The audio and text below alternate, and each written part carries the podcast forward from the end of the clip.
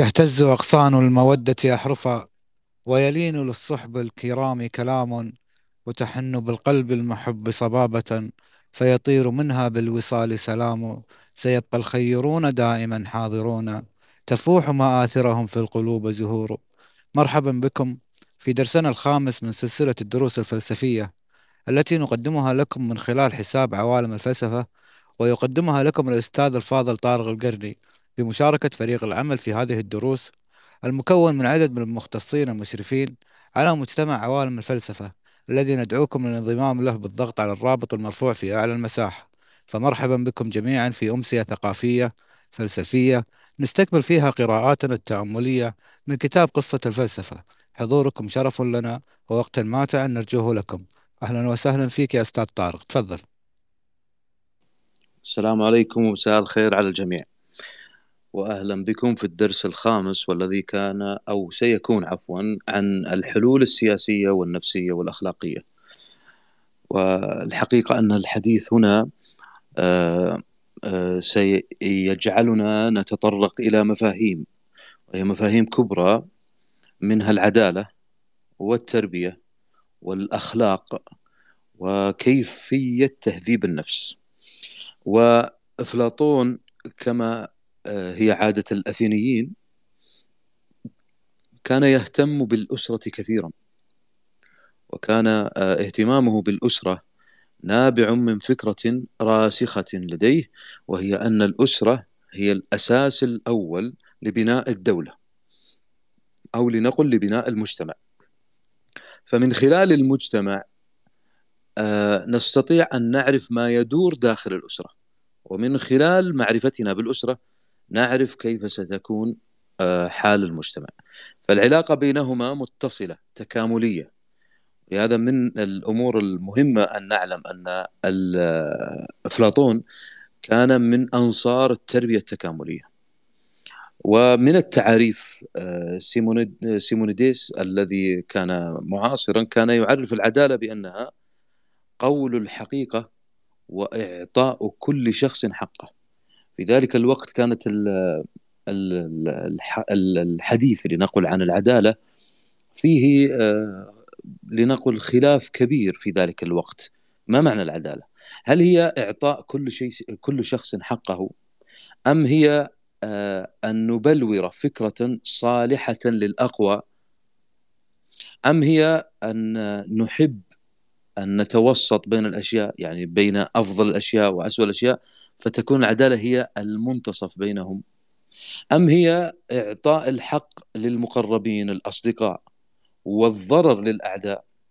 هذه كلها حقيقة في ذلك الوقت كانت أفكار رائجة وتجدونها مبثوثة في المحاورات.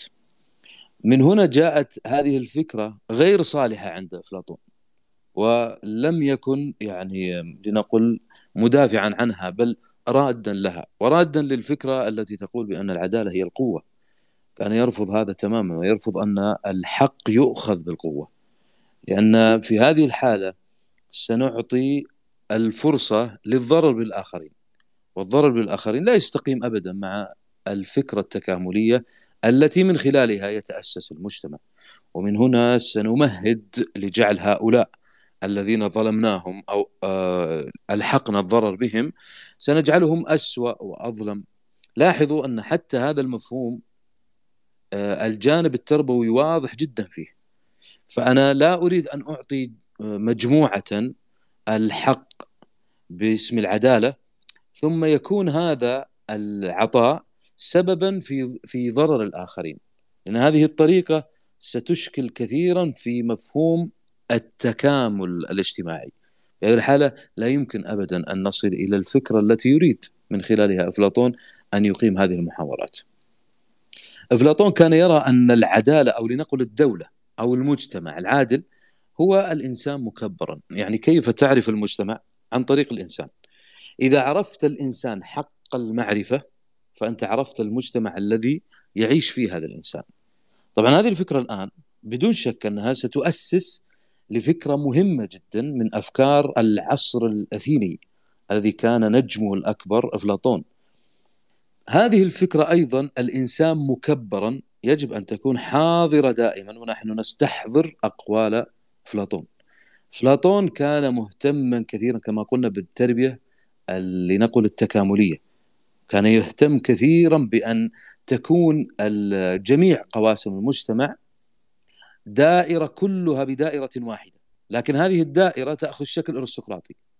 إنه رفض اشكالا من كيفية المجتمع التي كانت سائدة في ذلك الوقت وكان يرى ضرورة بناء الأسرة على أسس متينة حتى تقوم الدولة والمجتمع بعد ذلك قوية. يعني نستطيع أن نجعلها معادلة. كلما كانت الأسرة قوية كان المجتمع قويا. كلما كانت الأسرة ضعيفة كان المجتمع ضعيفا. هذا لنقل أن المعادلة الكبرى لفلسفة التربية عند أفلاطون. لن تكون الأسرة قوية إلا بتربية الفرد بطريقة صحيحة وقويمة. يعني هنا سنأخذ الفكرة ستكون تكاملية بهذا الشكل، نبدأ من الفرد وهذا الفرد سيتحول إلى المجتمع إلى الأسرة سيكون جزءا من الأسرة هذه الأسرة باعتبار مجموع أفرادها الذين تربوا تربيه قويمة سيشكلون أيضا من خلال هذه أسرة زائد أسرة زائد تساوي مجتمع. بهذه الطريقة سيكون مجتمعا متحضرا. لاحظوا نقطة مهمة جدا. مجتمع أثينا في ذلك الوقت كان يضم ثقافات مختلفة جدا كما قلنا بعد تحويل الأسطول الأثيني إلى آه، ميناء بحري. فاجتمعت كل الثقافات في ذا يعني هي أشبه أثينا أشبه ما تكون بنيويورك حاليا. أو لندن أو يعني هي فكرة المدينة التي تضم كل الثقافات الموجودة في عصرهم على اختلافاتها الكبرى. من هنا كانوا يهتم هو وأستاذه سقراط بالتعاريف الكبرى حتى تستطيع أن تضم هؤلاء كلهم. وهنا نقطة مهمة وهي ليس ضروريا أن يكون الفرد مقتنعا بكل قانون اجتماعي. هنا نقطة مهمة. ليس ضروريا أن يكون الفرد مهت... مقتنعا بكل قاعدة اجتماعية. قاعدة أخرى وهذه كررناها مرارا في دروسنا لا تحول حياتك الشخصية إلى قاعدة اجتماعية. هذه نقاط أساسية في مفاهيم كيفية تكون التربية الاجتماعية. طبعا هذه الفكرة الآن وهي فكرة أن الفرد ليس مهما أن يقتنع بكل قانون موجود، لماذا؟ هذه الفكرة هنا سببها انه نابع من فكرة كان يحاول أفلاطون أن يؤسس للمدينة الفاضلة وهي التي تعني يعني المدينة الفاضلة ماذا تعني باختصار؟ العدالة. يعني نستطيع أن نقول المدينة الفاضلة تساوي العدالة. العدالة عنده قائمة على الطبيعة وليست على العرف. بمعنى أن ثمة قوانين ليس للفرد أن يقول رأيه فيها ليس ضروريا. إنما هي طبيعة الحياة هكذا طبيعة الحياة أن تجد ما يناسبك ان تجد امرا آخر غير مناسب لك. هنا تتكون الوقائع الاجتماعي هنا يتكون أو تتكون المدينة الفاضلة. فلا بد أن تفهم هذه القاعدة العدالة عنده قائمة على أساس مهم جدا وهي أنها قائمة على الطبيعة على طبيعة يعني كيف تتكون. ولهذا أنت حتى في حياتك الشخصية ثمة أمور لا يمكن أن تفهمها أو تتعجب منها أو تقول هذه كيف حصلت أو أنها يعني لا يمكن أن تتوافق مع البنية الفكرية التي تؤمن بها. هذه هي الطبيعة. الطبيعة هي أنك لست الله حتى تعرف كل شيء. ثمة أمور لا تعرفها لكن يعرفها من؟ هنا التأسيس الآخر المختص. فهو قال لا بد حتى نصل إلى هذه الفكرة أن نخصص الأعمال على الأفراد حتى تقوم الدولة والمجتمع بكافة متطلباتها. مثلا الطبيب في مجاله القانوني في مجاله النجار في مجاله المعلم في مجاله صانع الملابس في مجاله وهكذا. كل أحد من هؤلاء يقوم بدوره الذي اهتم به وعرف خصائصه. سيأتي الآخر ويقول أن هذه الفكرة ليست مناسبة بالنسبة لي، لماذا؟ لأنه لم يسبر أغوار هذا التخصص. فليست مهمتك هنا أن تعارض المتخصص. هذه الآن تقوم مقامها وهو استثمره مايكل آه، آه، مايكل ساندل الآن في عصرنا وهو أستاذ الفلسفة السياسية في جامعة هارفارد معاصر هو في أن تقوم هذه الفكرة الآن فيما يسمى مؤسسات الدولة. مؤسسة الدولة قامت على مثلا فكرة أو قانون ليست مهمتك أنت كفرد أن تعارض هذه الفكرة لأنك لم تفهمها أو ليست مرغوبة لديك. هذه لو فعلتها فلم تدخل في حيز العدالة. أنت الآن لم تقم بالعدالة بل قمت بالظلم. طبعا الآن سيبدو سيبدو أن هناك سؤال ملح. لماذا في هذه الحالة طبعا؟ كيف من الممكن أن أثق بهذه الأرستقراطية لنقل يعني الآن أنا لن أقول مثلا هذا الرأي ليس مناسبا لي. طب ما هو الحل؟ في ذلك الوقت كان معضلة. يعني ما ما الذي يجعلني أسلم الرأي لهؤلاء؟ المتخصص مثلا الطبيب ما الذي يجعلني؟ هذه هي أس التربية عنده. لو قمنا بالتربية على أكمل وجه لكان كل فرد قائما بمجاله أو بتخصصه بطريقة أخلاقية وهذا الرابط ما بين التربية والأخلاق. فإذا ربي كل فرد تربية صالحة صحيحة فإنه سيكون مختصا في أمر بطريقة تربوية أخلاقية. نحن ربيناه حتى يكون مسؤول عن هذا التخصص الذي آه الذي امتهنه. فسيكون سيتعامل معك بطريقة أخلاقية لأنه مربى على هذه الطريقة. من هنا يأتي المزج ما بين التربية والأخلاق حتى تثمر مواطنا صالحا كما يقول. طبعا هنا ستأتي مفهوم العدالة مفهوم العدالة كما قلنا عند سقراط وعند أفلاطون.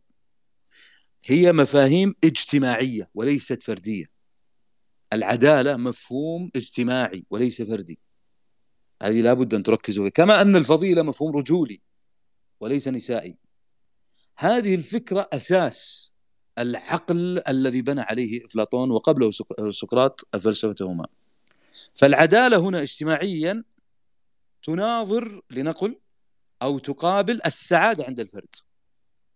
فتصبح السعادة فردية والعدالة اجتماعية. إذا كثفت السعادة تحولت إلى عدالة. طبعا هذه سيطيل النظر فيها جدا أرسطو بعد ذلك في كتابه السياسة. ولهذا أرسطو هكذا تمهيد لما سنقوله لاحقا عن أرسطو أرسطو بدأ اولا بالأخلاق ثم تحول إلى السياسة. الأخلاق عنده تمهيد للسياسة. هذه أخذها من من؟ هي غرفها من بحر أفلاطون. ولهذا مهم جدا أن تفهم هذا التأسيس. وهذا ما جعل أفلاطون يؤمن بمبدأ تكافؤ الفرص التعليمية. تكافؤ الفرص التعليمية. بمعنى أن يتعلم كل أحد. ما يسمى الآن في عصرنا مجانية التعليم. فيصبح الجميع متعلما. إذا تعلم الجميع يسيرون حتى مرحلة معينة ثم يصفون. بناء على اختبار معين أنت تصلح للإكمال أو أنت لا تصلح. فإذا لم يصلح من أول اختبار فهو من عامة الشعب. هذه سنأتي إليه بعد قليل.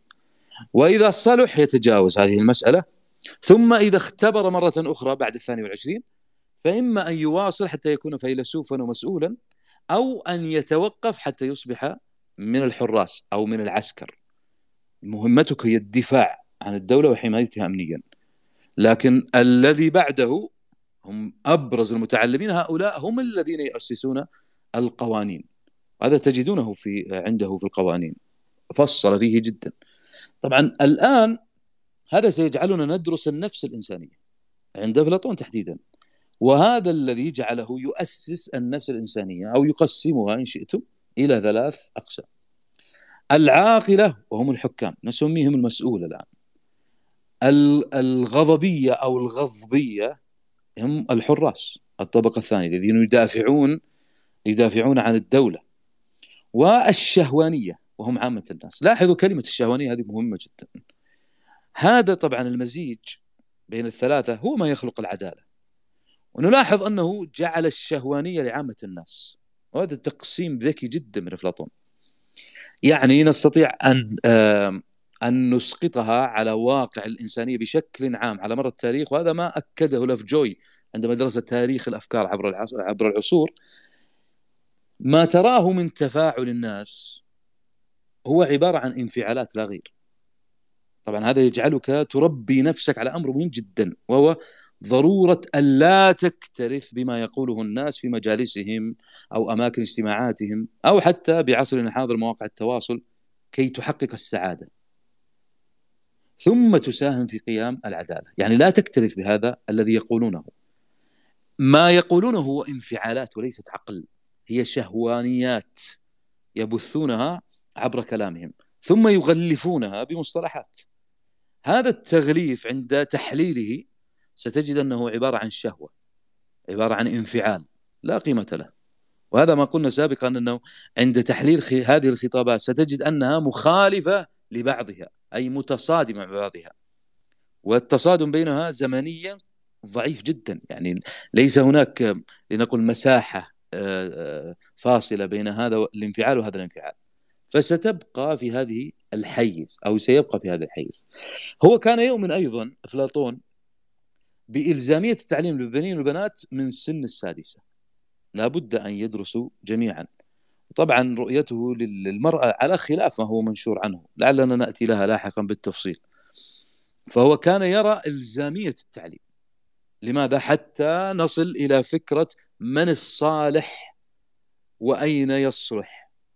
من الصالح وأين يصلح؟ هذا يصلح يكون طبيب هذا يصلح يكون نجار هذا يصلح يكون آه، حاكم هذا يصلح يكون مسؤول هذا يصلح يكون أمني وهكذا.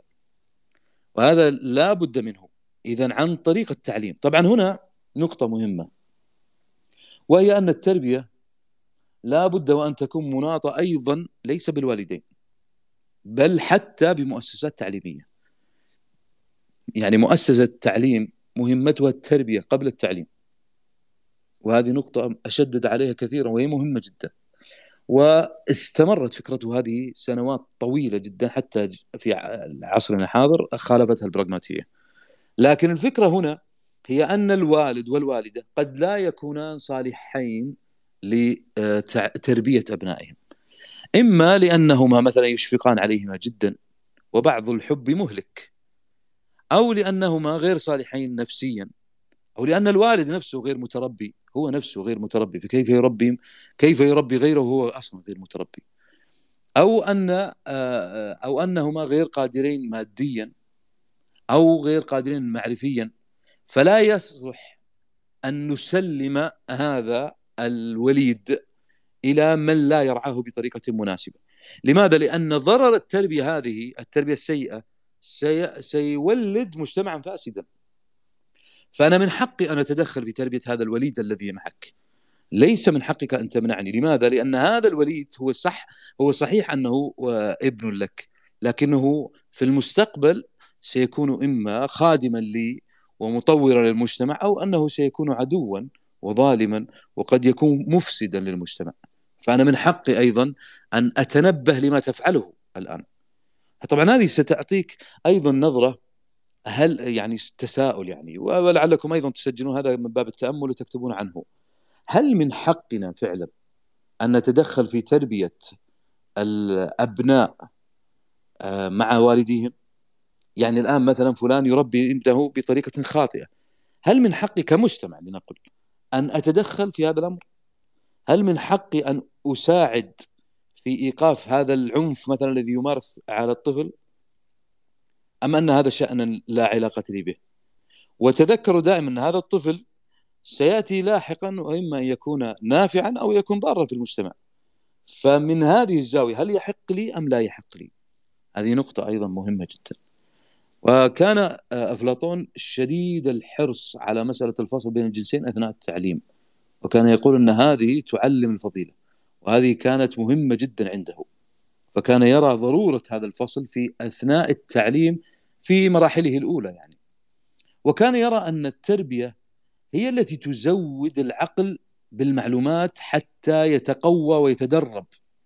لا يمكن ابدا أن يقوى العقل ويتدرب ويكثف معارفه ثم ينتقل إلى المعرفة إلا عن طريق هذا الكم من المعلومات. فلا بد أن أن أوظف هذه المعلومات من أجل الوصول إلى فكرة مهمة جدا وهي كيفية نقل العقل من المعلومة إلى المعرفة. يعني الآن أنت لديك مثلا لنفترض 100 معلومة. ليست مهمتك هنا أن تسرد هذه المعلومات. إنما المهمة الحقيقية لك هو كيفية توظيف هذه المعلومات على الواقع. كيف تحولها إلى معرفة. كيف نستفيد من هذه المعلومات عن طريق سبك واحد تقوم به أنت. هذه الفكرة كانت أيضا حاضرة عنده ويرى أنها فكرة تربوية قبل أن تكون معرفية. وكان يرى أن مهم جدا أن نربي الأطفال في بداية حياتهم على أمر ضروري وهو اللعب أو لنقل إخراج ما بداخلهم من مكبوتات عن طريق الأشياء المحببة لأنفسهم. الطفل يجب أن يأخذ حقه كاملا من مسألة اللعب ومسألة المرح ومسألة القدرة على أن يخرج ما بداخله. لا بد أن يصل إلى هذه المرحلة الطفل. يعني بلغة عملية بحتة لا بد أن يمرح الطفل حتى يتعب ويسقط ولا آه، يستطيع القيام بعد ذلك. يعني بمعنى أن يأخذ حقه كاملا. لماذا؟ لأنه يخرج ما بداخله عن طريق هذه الأمور التي التي هي محبوبة لديه. ولكن تأتينا فكرة وهي هذه الأمور المهمة أو المرغوبة لنقول أو المحبوبة لديه. هل من صالحنا أن نفتح الباب على مصراعيه؟ لها. يعني الآن على سبيل المثال في عصرنا أن أعطي طفلا لعبة لكن هذه اللعبة أنا أعرف أنها مضرة له. هل من التربية أن أعطيه؟ لا ليس هذا المقصود. المقصود وهنا تأتي فكرة أن الطفل على ما تعود عليه وعلى ما ربي عليه عقله يعني صوره الذهنية. فأنت لابد أن تختار لطفلك ما يناسب ما يناسب مرحلته العمرية ولا يكون مضرا له. يعني تجمع ما بين الفائدة وما بين المتعة. هذا الأمر قد لا يصلح أو قد لا يستطيع عليه الوالد أو الوالدة لجهلهما لعدم قدرتهما لأي سبب من الأسباب. هنا تأتي مؤسسة التربية فتقول أنا أوفر هذا الأمر. وهنا تأتي بيئة ما نسميه الآن مدرسة. بيئة المدرسة هل هي صالحة لهذا أم غير صالحة؟ هل هي فعلا تشبع الطفل بهذا الأمر أم ليست كذلك؟ طبعا لا بد من استحضار فكرة أنه في زمانه كان الوضع مختلفا يعني بمعنى أن بمعنى أن في ذلك العصر كان كان هناك إمكانات ليست موجودة الآن. عدد الناس ليس الآن. يعني أمور مختلفة كثيرة لكن عموما لا بد من استحضار هذا الأمر. تعليم الطفل أو اللي نقول المتعلم بشكل عام كيف يفكر؟ هذه أيضا نقطة تربوية مهمة جدا. كيف تفكر؟ هذا هذا هذا الأمر كان أساسا عنده وعند أيضا أستاذه. فكان مهم جدا أن تربي الطفل أو المتعلم كيف يفكر. ليس فقط أن يغذي نفسه بالمعلومات أو أن آه، يعني يلعب فقط أو يخرج ما بداخله. لا ضروري جدا أن تعلمه طريقة التفكير أن تعلمه كيف ينقد الشيء. وبالتدريج ليس هكذا جملة واحدة. وهذا طبعا سيصل بنا إلى تنمية عقله. باعتبار أن العقل هو أهم ما يملكه الإنسان. وبهذه الحالة لا بد من أن يكون هذا العقل وفق المبادئ الاستشرافية المستقبلية. يعني ك... يعني الآن هذا الطفل أو هذا المتعلم ما الذي أريده منه بعد سنوات؟ وهذا مهم جدا أي أن لا أجعله يفكر بطريقة ماضوية لا بطريقة استشرافية. وهذا هو الفرق بيني كمعلم وبين التلميذ. أو بيني كمربي وبين من أربيه أني أنا أستشرف المستقبل وأعرف أنه لابد أن يفكر بالطريقة الفلانية لأنه هذه الصالحة للمستقبل. أنا كمربي لا أستطيع أن أفعل هذا مستقبلا، قدراتي توقفت مثلا. لكن أنا أريد هو أن يفكر بهذه الطريقة لأن المستقبل قادم لهذا، لنقل بلغة معاصرة أنا مثلا كمربي لا أفهم في التقنية ولكن واضح جدا أن العالم متجه للتقنية والذكاء الاصطناعي. فالمفترض أن أربيه على أن يفكر بهذه الطريقة، طريقة كيف يبرز عن طريق الذكاء الصناعي. لا نربيه كما كنت أنا أربى مثلا قبل عشرين سنة. هذه فكرة لماذا هذه الفكرة مهمة؟ أولا لأن هذه داخلة في العدالة معه. لاحظوا أن هذه مفهوم العدالة أساس. أنا أعدل معه أنا أعطيه حقه لا أظلمه بهذه الطريقة. لأني إذا ربيته على ما أنا مقتنع به أو على ما ربيت عليه فأنا هنا ظلمته. الأمر الثاني لأن هذا المتعلم سيكون هو الذي آه، نافع آه، سيكون هو الذي يمسك بزمام الأمور في المستقبل في المجتمع الذي أعيش فيه. فمن باب المصلحة لي أنا شخصيا أن أعلمه بطريقة صحيحة. وهذه تأتي فكرة أن فلان دخل فلما علم أن الطبيب كان أحد تلاميذه ذهب وتركه لماذا تتركه قال لأني أعرف من هو هذه الفكرة لا كان كان ضدها لنقل. افلاطون وكذلك استاذه يعني أن أربيه لأنه يوما من الأيام سيكون هو الذي يمسك بزمام الأرض التي أعيش فيها. فكيف أريده أن يكون؟ هذه النقطة هي التي ستجعلني أربي ولهذا مهم جدا أن تفهم هذا.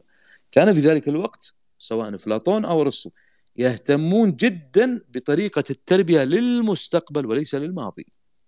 للمستقبل وليس للماضي. وهذا هو الخلاف الأبرز ما بين طريقة التربية عند الأثينيين طبعا ب... ب... لنقل ب... برئاسه أو بزعامة أو ببروز أفلاطون وأستاذه سقراط وبعد ذلك طبعا أفلاطون أرسطو. وما بين أيضا التربية التي كانت قائمة على الكونفوشيوسية مثلا في الصين أو حتى عند الفراعنة أو حتى عند آه، بلاد الرافدين. هذه كانت نقاط مهمة في الفصل بينهم.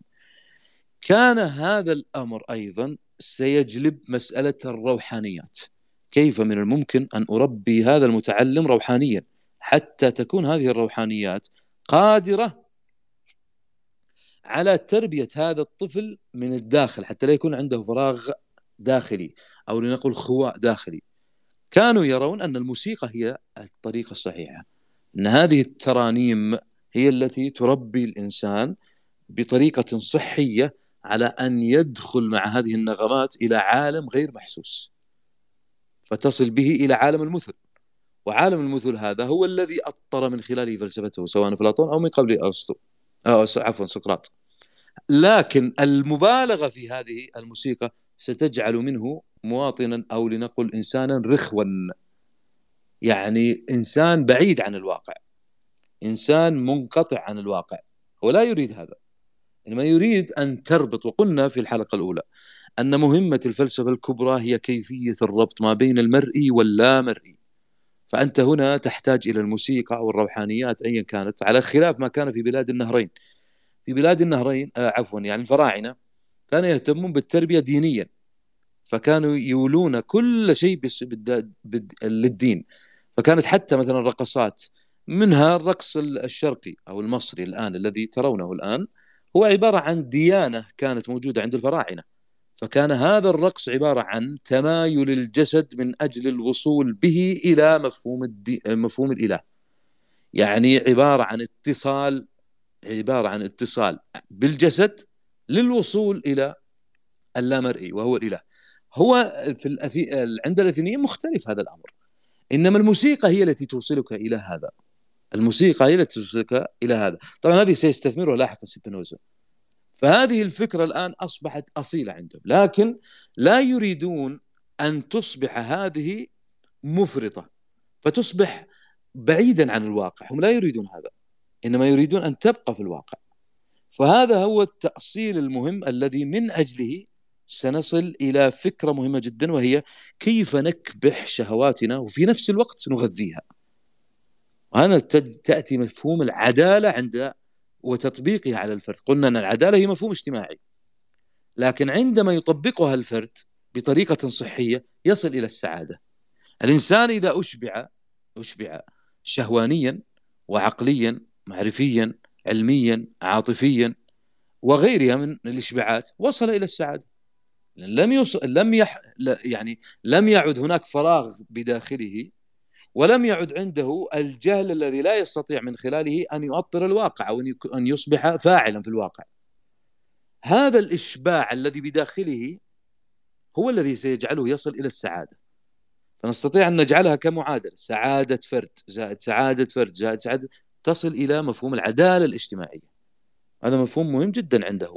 ولهذا فمهم أن نفهم أن الأمر ليس كما ليس كما أتى آه، في الحضارات لنقل السابقة أو التي هي بعيدة عنه لنقل الصينية أو المصرية أو غيرها. هذه مختلفة.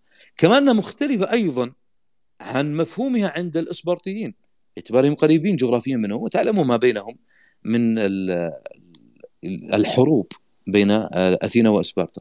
الإسبرطية كانوا يهتمون بكيفية بكيفية أن يكون هذا المتعلم قادرا على حماية الدولة. يعني أنا أربيك حتى تكون عسكري فقط دون أي أمر آخر. هذا هو المهم عندهم. ولهذا كان الطفل في إسبارتا منذ العمر السابع كان يذهب مباشرة إلى المعسكر حتى يصبح يعني من بداية حياته يتعلم هذه. فكان هناك لنقل جفاء كبير جدا في دولة إسبارتا. إذا قورنت بغيرها تحديدا آه، أثينا. طبعا هذه الفكرة كانت مرفوضة أيضا عند أفلاطون ولنقل حتى عند الأثينيين بشكل عام. هذه الفكرة ما كانت يعني واردة عندهم. ولهذا التربية عند اليونانيين كانت تهتم بكيفية العدل لنقل بين كل ما يتنازعه الإنسان داخليا وخارجيا. يعني لا بد أن يكون هناك تكامل. تعلمون أن التربية آه، يعني لها لا لنقل آه، يعني يعني لنقل أقسام إن شئتم بلغة أكاديمية. بمعنى أن لا بد أن يكون عندي قدرة على أن أفهم أمر مهم جدا. التربية نفسها لا بد أن يكون لها أهداف لنقل. لا بد أن يكون لها طرق معينة أفهم من خلالها أهمية هذا المنحى لابد أن أرى كيفية أن أن أستفيد مثلا من الماضي وأن آه، أسد هذه الثغرات التي كانت موجودة عند الأمم السابقة من أجل أن لا أقع فيها. فمثلا المجتمعات القديمة جدا على الأثينية كانوا كانت التربية عندهم قائمة على أمرين. إما أن تكون عملية أو أن تكون نظرية أو أن يكون الجمع بينهما. عملية هي ما نسميه الآن الرعاية. تأكل تشرب تلبس تذهب تنام تقوم وهكذا. عملية بحتة. هذه جزء آه، مهم جدا من العصور التي كانت قبل أثينا مهتمه بها. أو أن تكون آه، نظرية. نظرية بمعنى التعاليم. وهذه التعاليم تأخذ طابعا دينيا كما كان عند الفراعنه بمعنى أني أعطيك طقوس معينة وأحول كل أمر حتى وإن كان له شكل الملذات أو أو المتعة. مثل الرقص كما قلنا قبل قليل كيف أحوله إلى طقس ديني؟ فهذه كانت نظرة للإنسان بدائية. ولهذا يصح أن أقول أن ما نعاني منه الآن هو هذا التخلف البدائي في التربية. نحن لا نربي نحن نرعى. أبناءنا نؤكلهم نشربهم نلبسهم آه، يعني نذهب بهم نأتي بهم. يعني هذه كلها رعاية. وهذه هي نفس التي كانت عند الإنسان البدائي المتخلف. يعني يقوم بهذا يقول أنا لبستكم أنا أنا درستكم أنا آه، يعني آه، وديت وجبت من غيره من الألفاظ. أنت بداخلك تقول أنت بدائي أصلا متخلف. طبعا لا تقولها لكن عموما أفكر بها هكذا. فهذا هو هذه هي التربية البدائية. أو حتى من يؤطر المجتمع كله على طقوس. كل شيء يجب أن يبنى بالطقوس. يعني كل أمر محسوس يجب أن يرتفع إلى اللا محسوس. بمعنى أن أحول الحياة كلها إلى وعظ وكأننا ملائكة في الأرض. هذه أيضا تخلف. بمعنى أنها تربية متخلفة هذه الطريقة. الحياة ليست كلها هكذا. نحن نعيش في واقع يجب أن نبنيه. عدم بنائنا للواقع هو نظرة تخلفية. تعيدنا إلى 4000 سنة. هذه الفكرة ما كانت ابدا حاضرة عند عند هؤلاء افلاطون وأستاذه. لأن هذه هذه ستجعل الإنسان خبيرا لكنه ليس عالما. هو هو عنده خبرة. لهذا تجد أن من ينتهج هذه الطريقة في التربية تجده حكواتي يحكي لك يحكي لك قصصا. كانت تروى سابقا وأن فلان فعل كذا وأن فلان ذهب بكذا وأنه مثلا كان له طريقة معينة. تسمع هذه القصص آخر قصة يمكن أن تسمعه منه يعني أجدد أحدث قصة قبل مئة سنة. هو رجل حكواتي فهو خبير لكنه ليس عليم. هذه فكرة. ولهذا تجده يمتح من هذا المحيط من هذه القصص لكنه لا يفعل شيئا في واقعه. هو مخالف تماما لواقعه. أو أنه يعيش بناء على هذه الأفكار التي في قصصه لكنك تجد أن هذه الأفكار التي يؤمن بها والتي يسلكها هي في الحقيقة غير صالحة للواقع. يعني هو إنسان غير واقعي لنقل.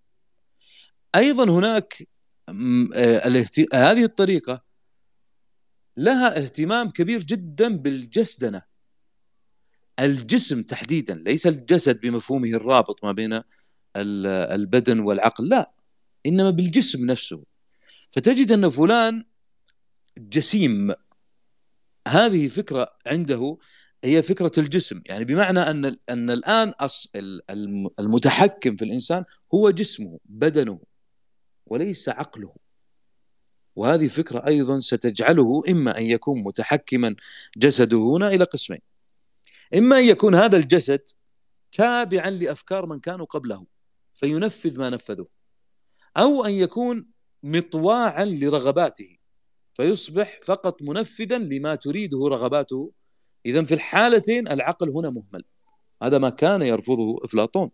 ويرى أن هذه نكسة في العقل لا يمكن ابدا ان تؤدي إلى السعادة الفردية أو العدالة الاجتماعية. فلا تصلح ابدا هذه لأن تكون حلا للنفس أو حتى للسياسة باعتبارها من مهماتها الكبرى إسعاد المواطنين ولا حتى للأخلاق. نحن كيف نؤسس الأخلاق بناء على هذا الفساد الذي نراه؟ هذه هذا الأمر سيجعل هناك ثغرة كبيرة جدا ما بين حصول الفرد على ضرورياته كما قلنا الإشباع الذي قلناه قبل قليل إشباع الغرائز إشباع العقل إشباع إلى آخره. وما بين الواقع الاجتماعي كيف من الممكن أن يصبح هذا قادرا وفق إشباعاته على أن يصبح متطور لهذا يجد الإنسان حتى في عصرنا يجد الإنسان أنه إذا أشبع رغباته إذا أشبع رغباته بالطريقة التي يرى أنها صحيحة وغير ضارة له أو لغيره يجد أنه فعليا يشعر بهذه السعادة. هو يعني نستطيع أن نجعلها حتى في معادلة. كلما كان هناك ثغرات في في في إشباعك لرغباتك كلما أصبحت آه، فاقدا للعمل الصحيح أو للسعادة. يعني نقص السعادة يأتي من نقص هذا الإشباع. ولكن يكون الإشباع بطريقة صحيحة حتى لا يكون ضارا على الفرد والمجتمع. فهذه الفكرة أيضا هي التي ستجعل الإنسان ينحو إلى هذا الرابط. الرابط ما بين الفرد وما بين المجتمع ثم من خلاله تتأسس هذه الأفكار. ولهذا مهم جدا أن نربي الأطفال على هذه. كيف أربي الطفل؟ وهذا سؤال آه، يعني فلسفي كبير. كيف أربي الطفل على أن يشبع رغباته دون أن يضر نفسه أو غيره؟ هنا تعطي المجال للآخر في أن يحكي ما يراه صوابا. ولكن هنا سيأتي ستأتي لغة المنطق. لغة المنطق هذه هي التي فعليا قادرة على أن تضع لك استراتيجية. استراتيجية شخصية في نفسك واستراتيجية أيضا في غيرك. فتستطيع من خلالها أن تنمي نفسك وأن تنمي الواقع الاجتماعي الذي تعيش فيه. وهذه طبعا بدون شك ستجعلنا أمام فكرة مهمة جدا. وهي فكرة هل الفلسفة للكبار أم للصغار؟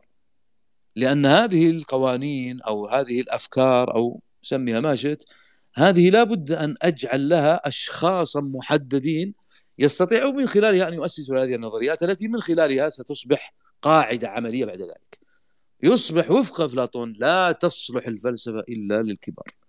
أما صغار السن فليست صالحة لهم بل هي ضارة. هنا تأتي فكرة مهمة جدا. يعني من كان دون الثلاثين لا تصلح له الفلسفة. من كان دون الثلاثين لا تصلح له الفلسفة. هي فقط ستبقى معلومات. لكنها ضارة له إن لم تكن صالحة فهي أقرب للضرر. هنا تأتي هذه الفكرة. فكرة أن الفلسفة هذه نقطة مهمة أن الفلسفة للكبار فقط كما قلنا وكأنها تشترط الخبرة في الحياة كما أنها تشترط الخبرة في المجتمع يعني قيام الحضارة. لن تقوم الفلسفة إلا بقيام حضارة. يعني الفلسفة ليس كما يعني يردد كثيرا. نحن أصلنا هذه في دروسنا كثيرا. الفلسفة تأتي بعد الحضارة ليست قبل الحضارة. ولهذا في عصور الانتقال في في في تاريخ الإنسان لم تؤسس الفلسفة للحضارة. في العصر الإغريقي لم تؤسس كما قلنا مرارا. حتى من كان يقول أن ديكارت فعل وفعل لا ليس هذا بصحيح. الذي فعل فعليا هو من كان قبله. غاليليو فعل هذا في الثورة العلمية لنقل آه، أيضا الذي فعل هذا كوبرنيكوس. أيضا الذي فعل هذا لوثر في الفلسفة المسيحية أو في الدين لنقل. توماس مور أيضا كان قبله. فكانت هذه كلها قبل ديكارت.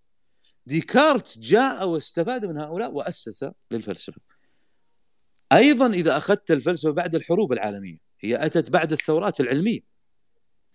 ولهذا استفاد كثير من الفلاسفة من الثورات العلمية التي كانت عند ماكس بلانك وعند إينشتاين وحتى عند آه، نيلز بور وغيرهم. فهذه ليست بصحيحة ابدا هذه الفكرة. لكن تروج في عالم الفلسفة من بعض الف... ما أعرف ممكن اسميهم متعصبين أو محبين بشدة للفلسفة. لكن عبر التاريخ لا تؤسس الفلسفة للحضارة. إنما تأتي نتاج الحضارة. وتأتي الفلسفة هنا من والنقد كذلك من أجل أن تصفي هذا هذه الحضارة تصفيها ترتبها. يعني كأنك الآن أمام منزل وتضع فيه كل الأثاث في غرفة واحدة ثم تأتي أنت وتصفيها تضع هذه هنا وتضع فعملها ليس بالهين. ليس بالهين. كان أعطي مريضا عشر أدوية هو مريض مثلا بعشر أمراض وأعطيه عشر. يأتي الطبيب هنا يصفيها. أنت هذه تأخذها كذا في الوقت الفلاني. لو لم يفعل هذا مات المريض. الفلسفة هنا تأتي أهميتها. فهي تأتي من أجل تصفية الفوضى الموجودة في الواقع. فهي هذه نقطة مهمة جدا. نفس الفكرة عند الفلسفة آه، في السن في التربية. الفلسفة للكبار. لماذا؟ لأنها تأتي مقترنة بالخبرة. فلا يصلح أن تنظر وأنت لم تختبر الحياة. فضلا عن تختبر نفسك. ولهذا يعني نستطيع أن نقول أن من خرط القتاد أن يأتي فلان وعمره عشرون ويتحدث بالفلسفة. هذه مجازفة كبيرة. إن لم تكن خرقا لقانون معرفي. فهذه الفكرة الآن مهمة جدا. أن تؤسس أو أن تتأسس من خلالها النفس والأخلاق والمجتمع وهنا تتبلور هذه الأفكار كلها. حتى تؤسس لهذه الحلول النفسية والأخلاقية والسياسية. ولعلي هنا أتوقف حتى أستمع منكم وأستفيد وأتعلم. شكرا لاستماعكم وأرجو أن يكون فيما قلته فائدة.